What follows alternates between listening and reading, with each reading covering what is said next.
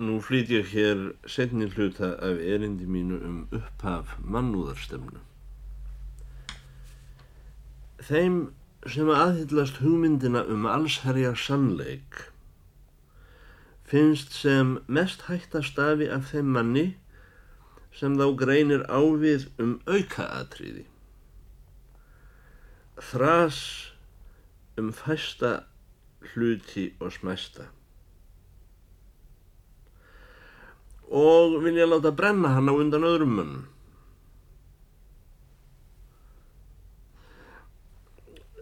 Smátækur endurskoðari er miklu hættulegri kerfinu í held en sá sem vil moka flórin út úr dýrum. Ég skal nefna dæmi sem gæti verið úr sögu núverandi kynnslóðar.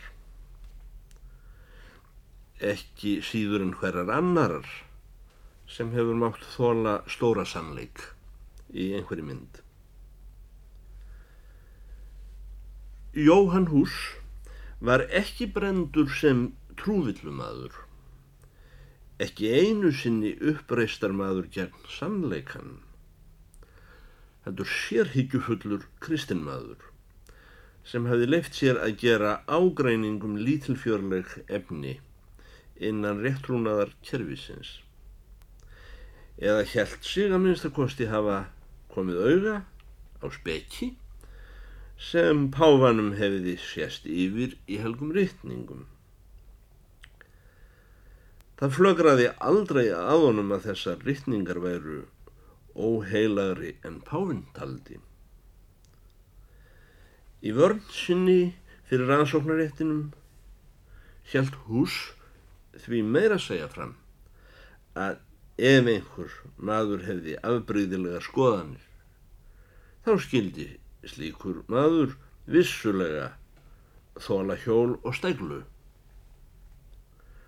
Aftur á móti var hús andvíur þeirri aðferð að kirkju yfirvöld afhendu ódænda villu menn veraldlegum yfirvöldum til lokaransóknar en þvæju síðan hendur sínur af blóði þeirra ef þeir voru pintaðir eða gerðir lífi minnur. Hús ákærði umbóðsmenn rannsóknaréttarins á grundvelli heilara rittningar fyrir að taka sér farísea og skriftlerða til fyrirmyndar í þessu framferði. Þá menn sem framselt hafðu Pílatus í Krist. Að brenna trúvillinga, það var skilirðislaust síða bóð og því ekki til umræðu, en hver brenna skildi, þar stóð nýfurinn í kunni.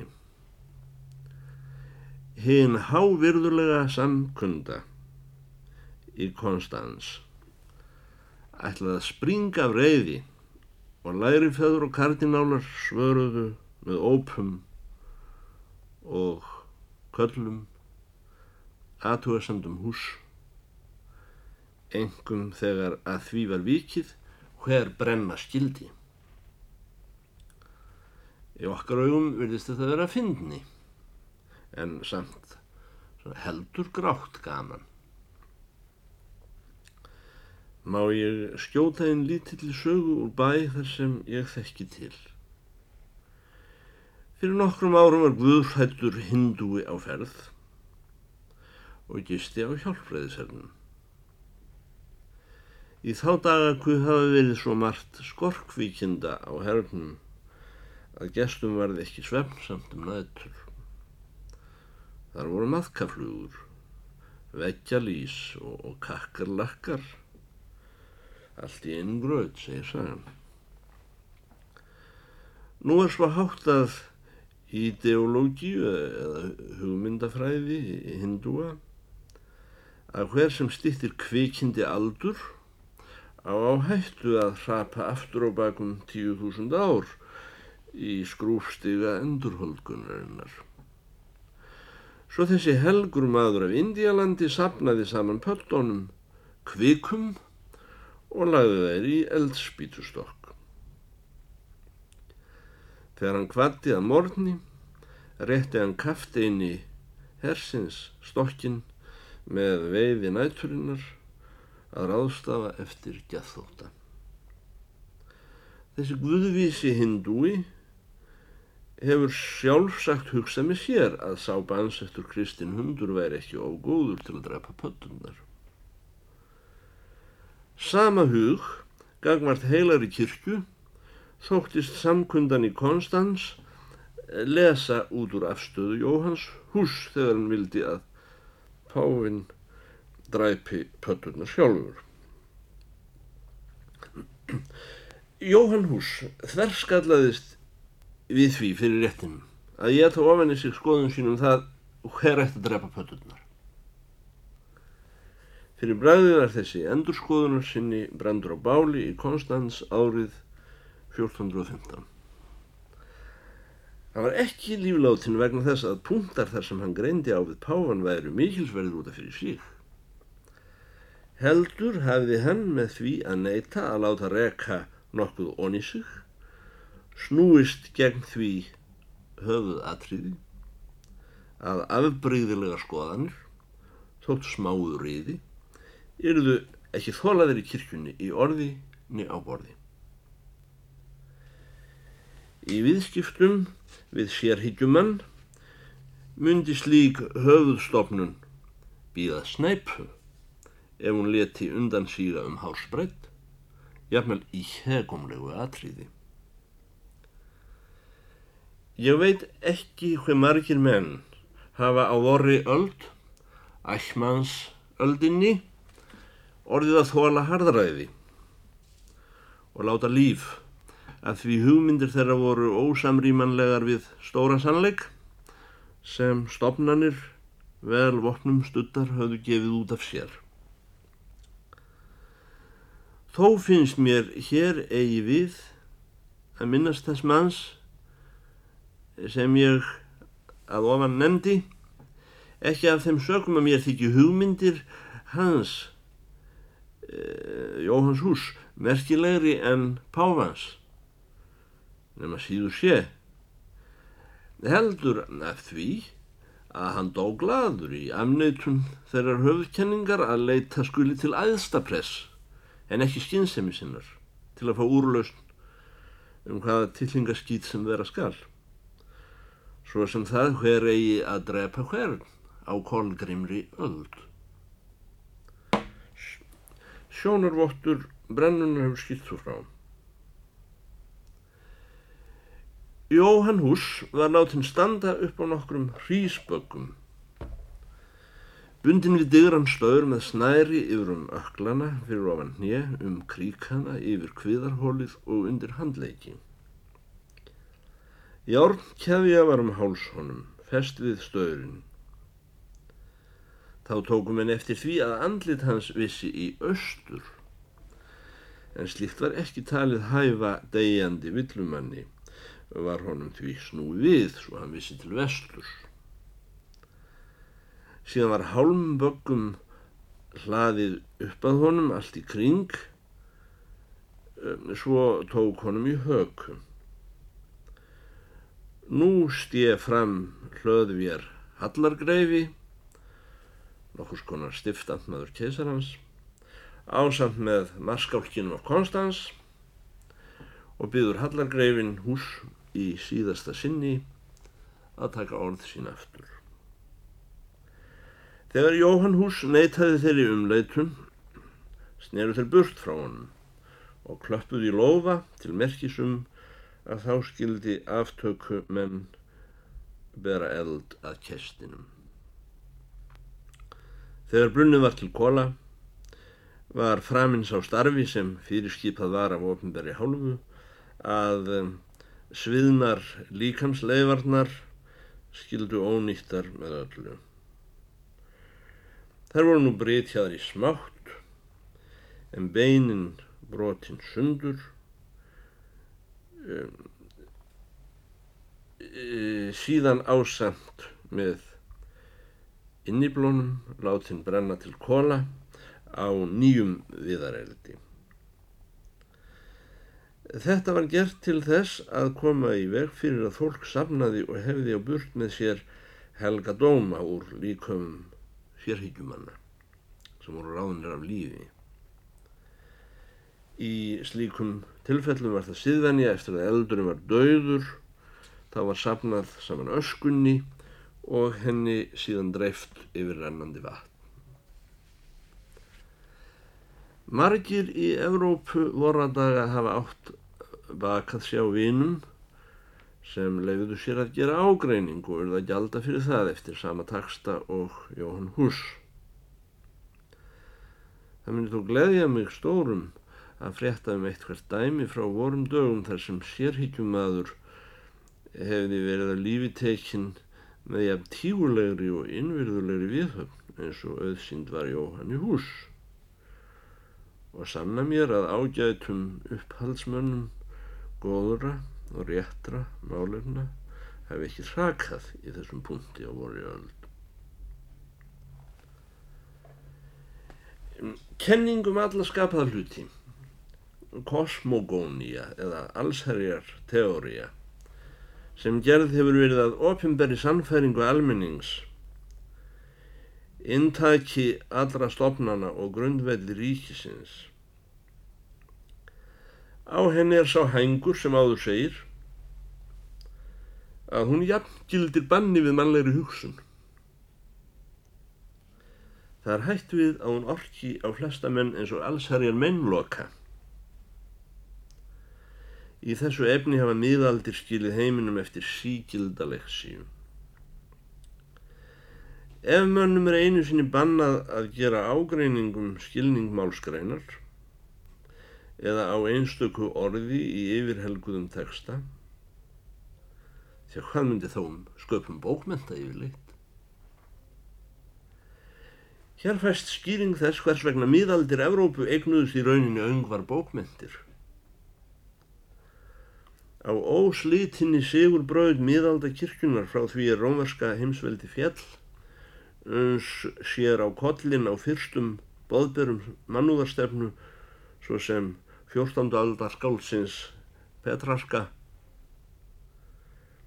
fyrir finnst ekki nema einn mikilvægur tólkur kristendóms í skálskaparformi Dante og samantekt hans inn mikla var af þeirri tegund að þar var ekki hægt um að bæta og sér hver eftir líking vonlaus. Í heil þúsund ár varð Evrópa að styðjast við fornabækur mikilsti lesmál sem upprunnið var utan Evrópu. Þessi lestur var allur háður rýtstjórn og útskýringum kirkjunar og hún kæli sig vitaskuld ekki um að halda öðru til haga en því sem var auð sveianlegt undir réttrúna hennar og gæt við partur af hennar bók. Engin mannleg starfsemi var lefð nema hún styttist við korrétta útlagningu á heilum textum. Og það var ekki einn saman almenn hugmyndafræði sem við hann stuttist heldur reys jafn sérkennilegt fyrirtæki og rannsóknarétturinn sjálfur á örgum tilvísunum í Guðspjöldin en þá engum og sérilagi á visku úr Páli, postula. Satt er það, snemma voru tilraunir gerðar í Fraklandi til einlagrar bókmentasköpunar en höfundum vafðist tunga um höfuð sækir varaþjónustu er þeir urðu að gjalda réttrúnaðinum. Þess vegna náðu þeir aldrei lengra í skálskapnum en veksama samkristna konunga og hetjur sem herjuðu á ókristna menn. Höfðverk franskra bókmenta frá 12. öld Chanson du Roland virðist engum hafa þjónað þeim tilgangi að fræða pílagríma í áfangastað. Lungin úr þessum bókmentum voru óverkuð kjenslurít í Guðurhæðslu. Full af frumstæðum, ævintýrum, af hetju skap sem ekki var mönnum líkur og svo fyrðursögum af helgum mönnum þar sem hver örmull af staðreind er tegður og snúin vegna sallengans. Dýrlingabókmendir, hagiografía. Þetta var þjóðfélags raunsægi þeirra tíma. Slík framleiðsla er að því leiti frábrúðin frjálsum bókmentum að henni tekst aldrei að festa rætur í mannlegum veruleik. Þetta er upp til hópa einfeldningslegur áróður, allt fyrirfram gerðreinsað af mennskum verðmætum. Að undanteknum alþýðu kveðskap í sveitum, nafnlausum kviðlingum og dálitlu af strengleikum, læs sem hafa lifað af, má segja að miðalda kveðskapur sé fátæktinn upp máluð. Í himnum og sekvensíum sem um hönd voru hafðar í Guðstjónustum tjáist líklega einsta æð þessara tíma. Flóttinn á við trúarlegarar dölúðar og óra þar sem viðblasa himneskar kynjamyndir. Það sem máli skiptir í rítuðu formi á slíkum tímum eru kannski einna helst pávalegar búllur og umburðarbref sem lýsa stjórnarstefnu kennivaldsins. Margt í slíkum yfirlýsingum varðaði líf þjóðana beinleinis. Eins og í allræðisríkjum voradaga voru undirmenn kervisins látnir messa utan enda samkvæmt formúlunni mæli ég sem aðrir mæla. Væri þessu þrástægi valið skálskaparform mátti í öngu víkja frá skinlausri eftiröpun klassiskra bóka og slíkur ríttháttur var vitaskuld báborinn tjáning samtímaðans. Þannig voru miðaldamenn oft látnir vera að setja saman sjálfvilja lausar stælingar á háþróðum bókmentum úr rómversk-grískri heiðinni.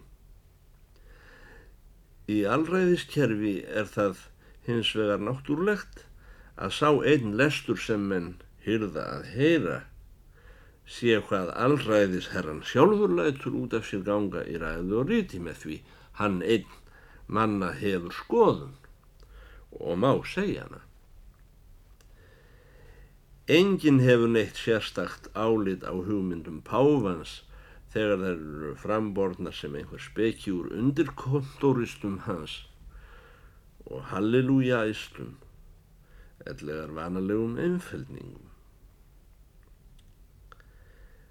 Hvaða rattir aðrar kynnu að vekja aðtiklimanns sem býr á svæði lokaðs hugmyndakerfis? Í allræðis skipulagi er aðeins einn rödd sem nýtur slíkrartirnar þegar leiðbeiningum aðstapressins sleppir. Og það er rödd sérhyggjum-aðsins. Þeir fulltrúar sem laga sig að skildu ríthöfundarins í dag þeir sem hafa hrifninguna að atvinnu þeir sem stunda embættislega brósmildi húðarjálkar sem látnir eru ganga undir drápsklifjum af táraformúlum í staðin fyrir nöðsynja vörur hand almenningi höfðspekingar steinrunina kennisetninga. Áróðursmenn sem hafa mist hæfilegan til að ráðna allar upp hugsanlegar tegundir af messudjóknum, trúbóðum, ítróðurum og heilavöskurum þeir baða sig svo sem í ofinberum ljóma dýrðarsinnur ekki vant að það en enginn hlustar á það vegna þess sem þeir segja sjálfur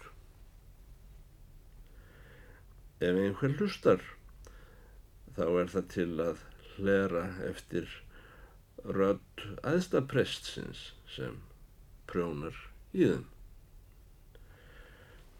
Hver ætli kærisugum að láta til dæmis marklaust skáldmenni tyggja í sig sálm út af kennisetningu sem Páfinn gaf út af sér í fyrra?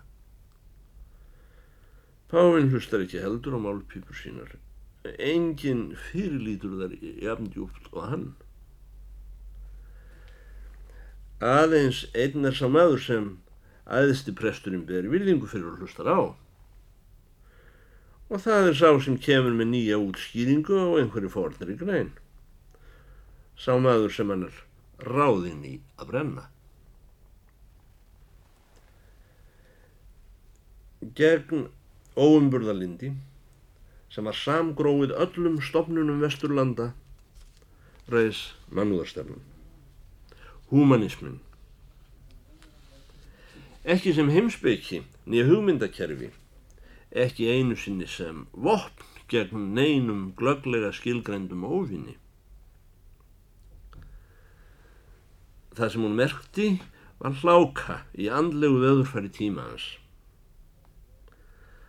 Hugarfarsbreyting sem vaksandi menningu borga og auðsæld almennra borgara veitti hinnu steinrunna kerfi miðaldakristindóms slíka ansbyrgnu að rannsóknarétturinn byrjaði að týna tönnum.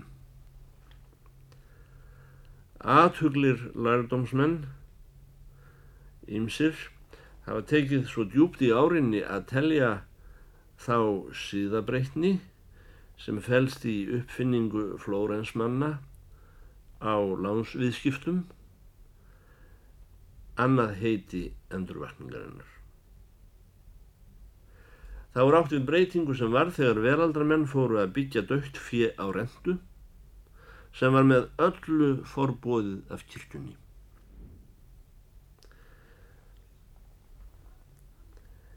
Þar með er lagður veraldlegur grundvöllur undir borgarastéttina. Með þessu nýja fyrirkomunlagi á fjármálum var brotið blað á Vesturlundum. Allavega er verðt að gefa því gau að humanismin sigildi í kjölfar þeirri þróun sem hagstjórn tók í Evrópu um þessa myndir. Hann var fylgifiskur vaksandi kröfu sem reysi í frumvaksta borgarastjettinni um þekkingu og lærdóm og gengi veraldarmanna var orðið slíkt að miðaldakirkjan fjekk ekki lengur staðið á móti með fullum árangri. Ríkan þátt átti líka uppgöðfun grískra og latneskra bókmenta, forna, í því að ljá humanismannum byr undir vangi. Nú byluðu einnig elgur sem settar hafðu verið við slíkunámi. Klassískir tekstar höfðu eins og áður segir ekki verið mönnum tilkvæmir í vesturkirkjunni nema í rítstýrðri endursögn að svo miklu leiti sem þeir stuldu kristinn réttrúnað. Þekking á grísku var raunverulega bönnuð á vesturlöndum í þúsund ár. Uppkoma humanismans er tengd milli liðalauðsri viðkynningu sem nú hóst með Evrópumönnum við síkildar fornbókmyndir. Allt þetta stuðlaði að því að menta fjandskapurinn þvar, heimskoðun miðaldana ríkföst við sannleik sem gildi aðeins innan ákveðina múra, misti fótfestu og var að berjast fyrir tilveru sinni. Í síkildum bókmyndum er hverki rúm fyrir óumburðalindi það eitt að vera tekin til við nám þessara fornum bóka var vottur þess að aldarandi var breyttur. Slikt nám var í sjálfu sér afneitun á einu okkur hugmynda sem miðaldakirkjan stundaði. Og þar með hófst humanismin. Humanismi bar í sér vakningu Evrópu, laug upp fyrir nýri hugsun, nýjum bókmentaströymum, endur nýjungu allra lista, byggingarlistin ekki hvað síst. Humanismin var í því falin að allt mannfélagið gætt farið að draga andan frjálslega. Allt í einu mega menn skrifa og lesa þar bækur sem þeir vilja án þess einhver páfi rjúki til að hengið á. Þeir með að skapa list eins og hugur þeirra stendur til án þess að skjálfa á beinunum anspænis heilögu embætti. Þetta er veðurlag humanismans. Það er hlutverk endurreysnarinnar að leysa sköpunarkraft manna úr viðjum. Slikt er humanismi og enn í dag vilist erfitt að koma auga á annað frumskýlirði menningar. Í hverjum stað þar sem frjálsræði er vanrækt, forbóðið eða drepi nýður, verður ekki hjá því komist að ómennsk öll nái tökum á mentalífinu og beri þar yfirhund. Ymsir tala um borgarastéttina eins og hún væri Ku Klux Klan nr. 2 sem er jafnvel eins og hún væri Ku Klux Klan nr. 1 eða eins og síður var að tala um djöblana á miðöldum.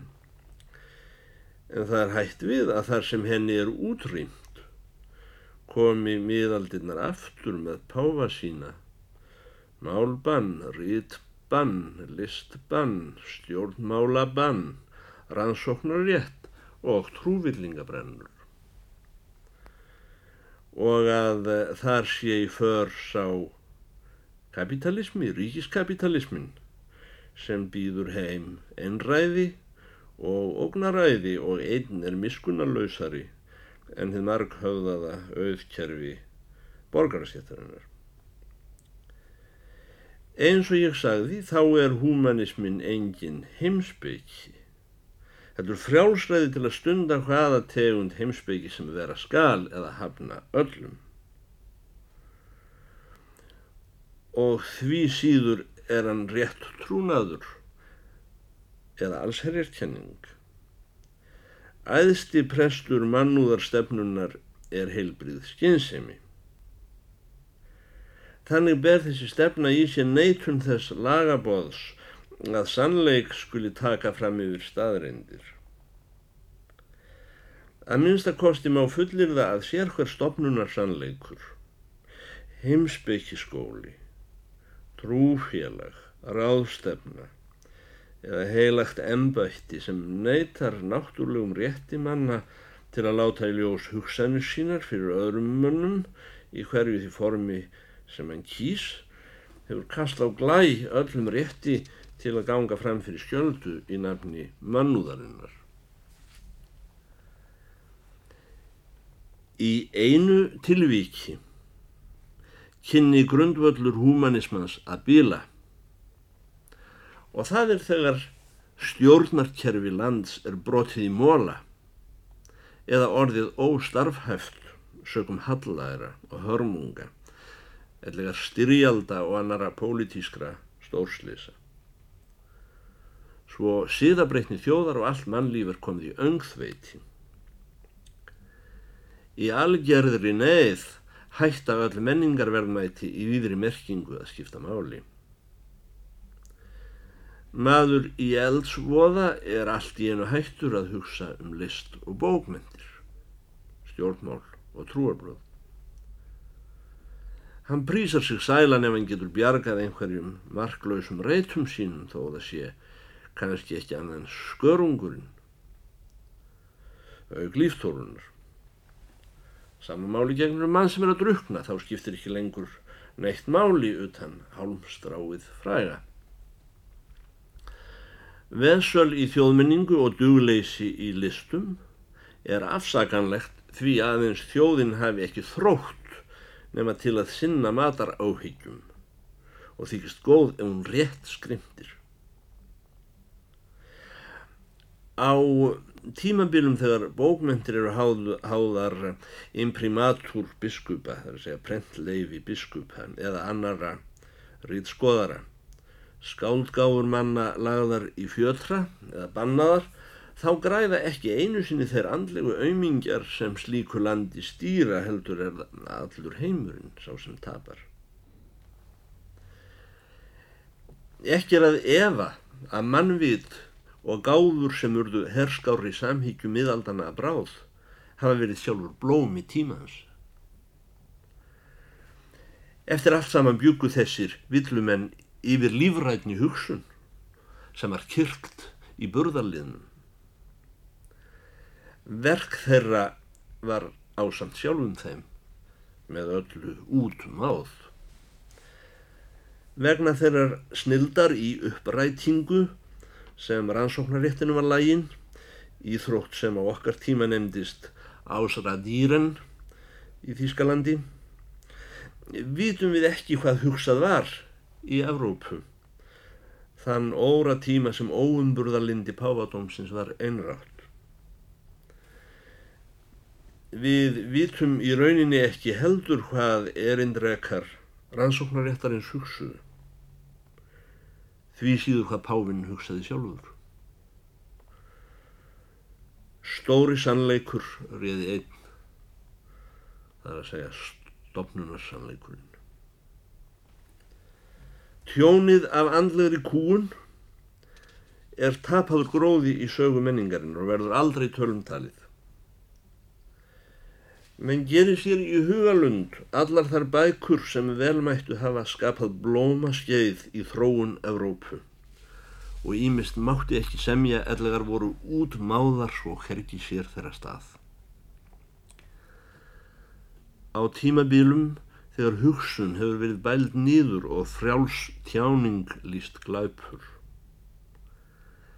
Þegar mönnum er fyrirmunað að mæla heiðvirðilegt orð upphátt og ekkert má heyrast nema argið í halleluja mönnum valdakerfisins. Þá verður eigða í menningarsöguna. Ólítill þáttur í bókmyndum landa þar sem mönnum er leift að segja hugsin er að koma upp um þjóðfélagsmisföllur samtímans. Mörgur af þess dæmið að slík bókmentaverk voru höðunál dagsins. Satt er það að slík verk mistuð aðdráttarafl þegar takmarki þeirra hafi verið náð og misfellur lagfærðar sem þau börðust gegn. Rauksendir þeirra eru ekki aðkallandi með setni kynnslóðun en í löndum þar sem mönnum er frjálst að hafa skoðanir og láta þeir í ljósi, þá eignast slík verk fastan samastað á spjöldum sögunnar.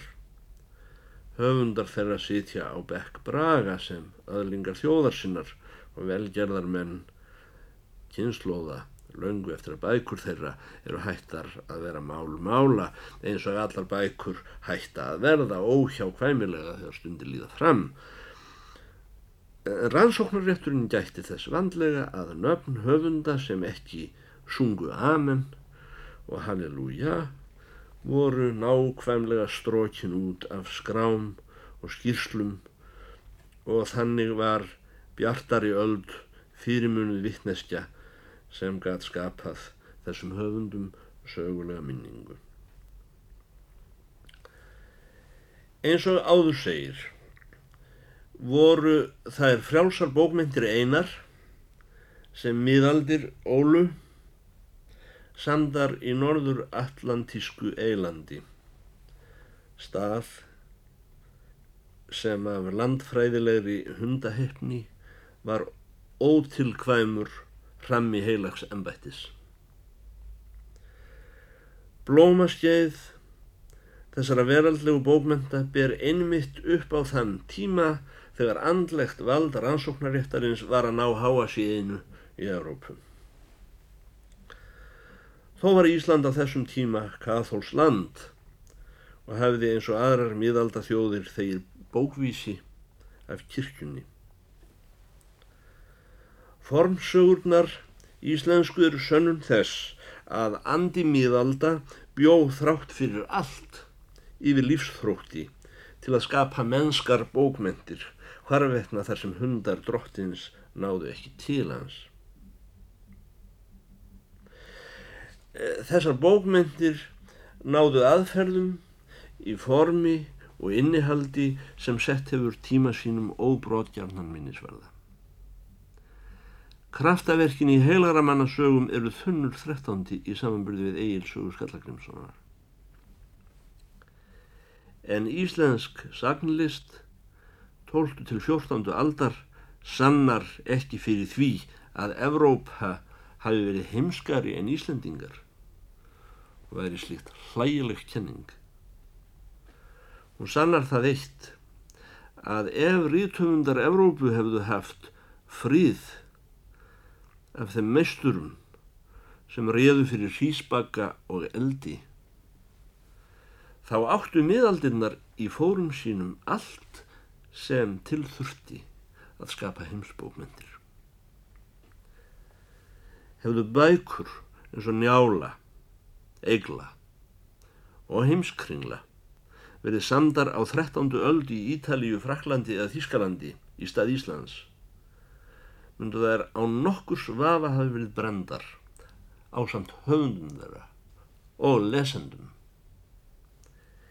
Ekki vegna þess að þær væru rítaðar gegn pávan, heldur að því höfundar þeirra voru sjálfstæðir hugsuðir í listsköpun sinni og hýrtu ekki um annað en rekja mennska megin þræði af sagn þrunginni raun síni í listaverki sínu. Hins vega letu þeir undir höfuðuleggjast að lofa rétta kenningu og þá sem henni stýrði. Nefn í hófi, þeir játtu að vísu almennri kristni en með því fororði að þeir rítuðu eins og þeim síndist.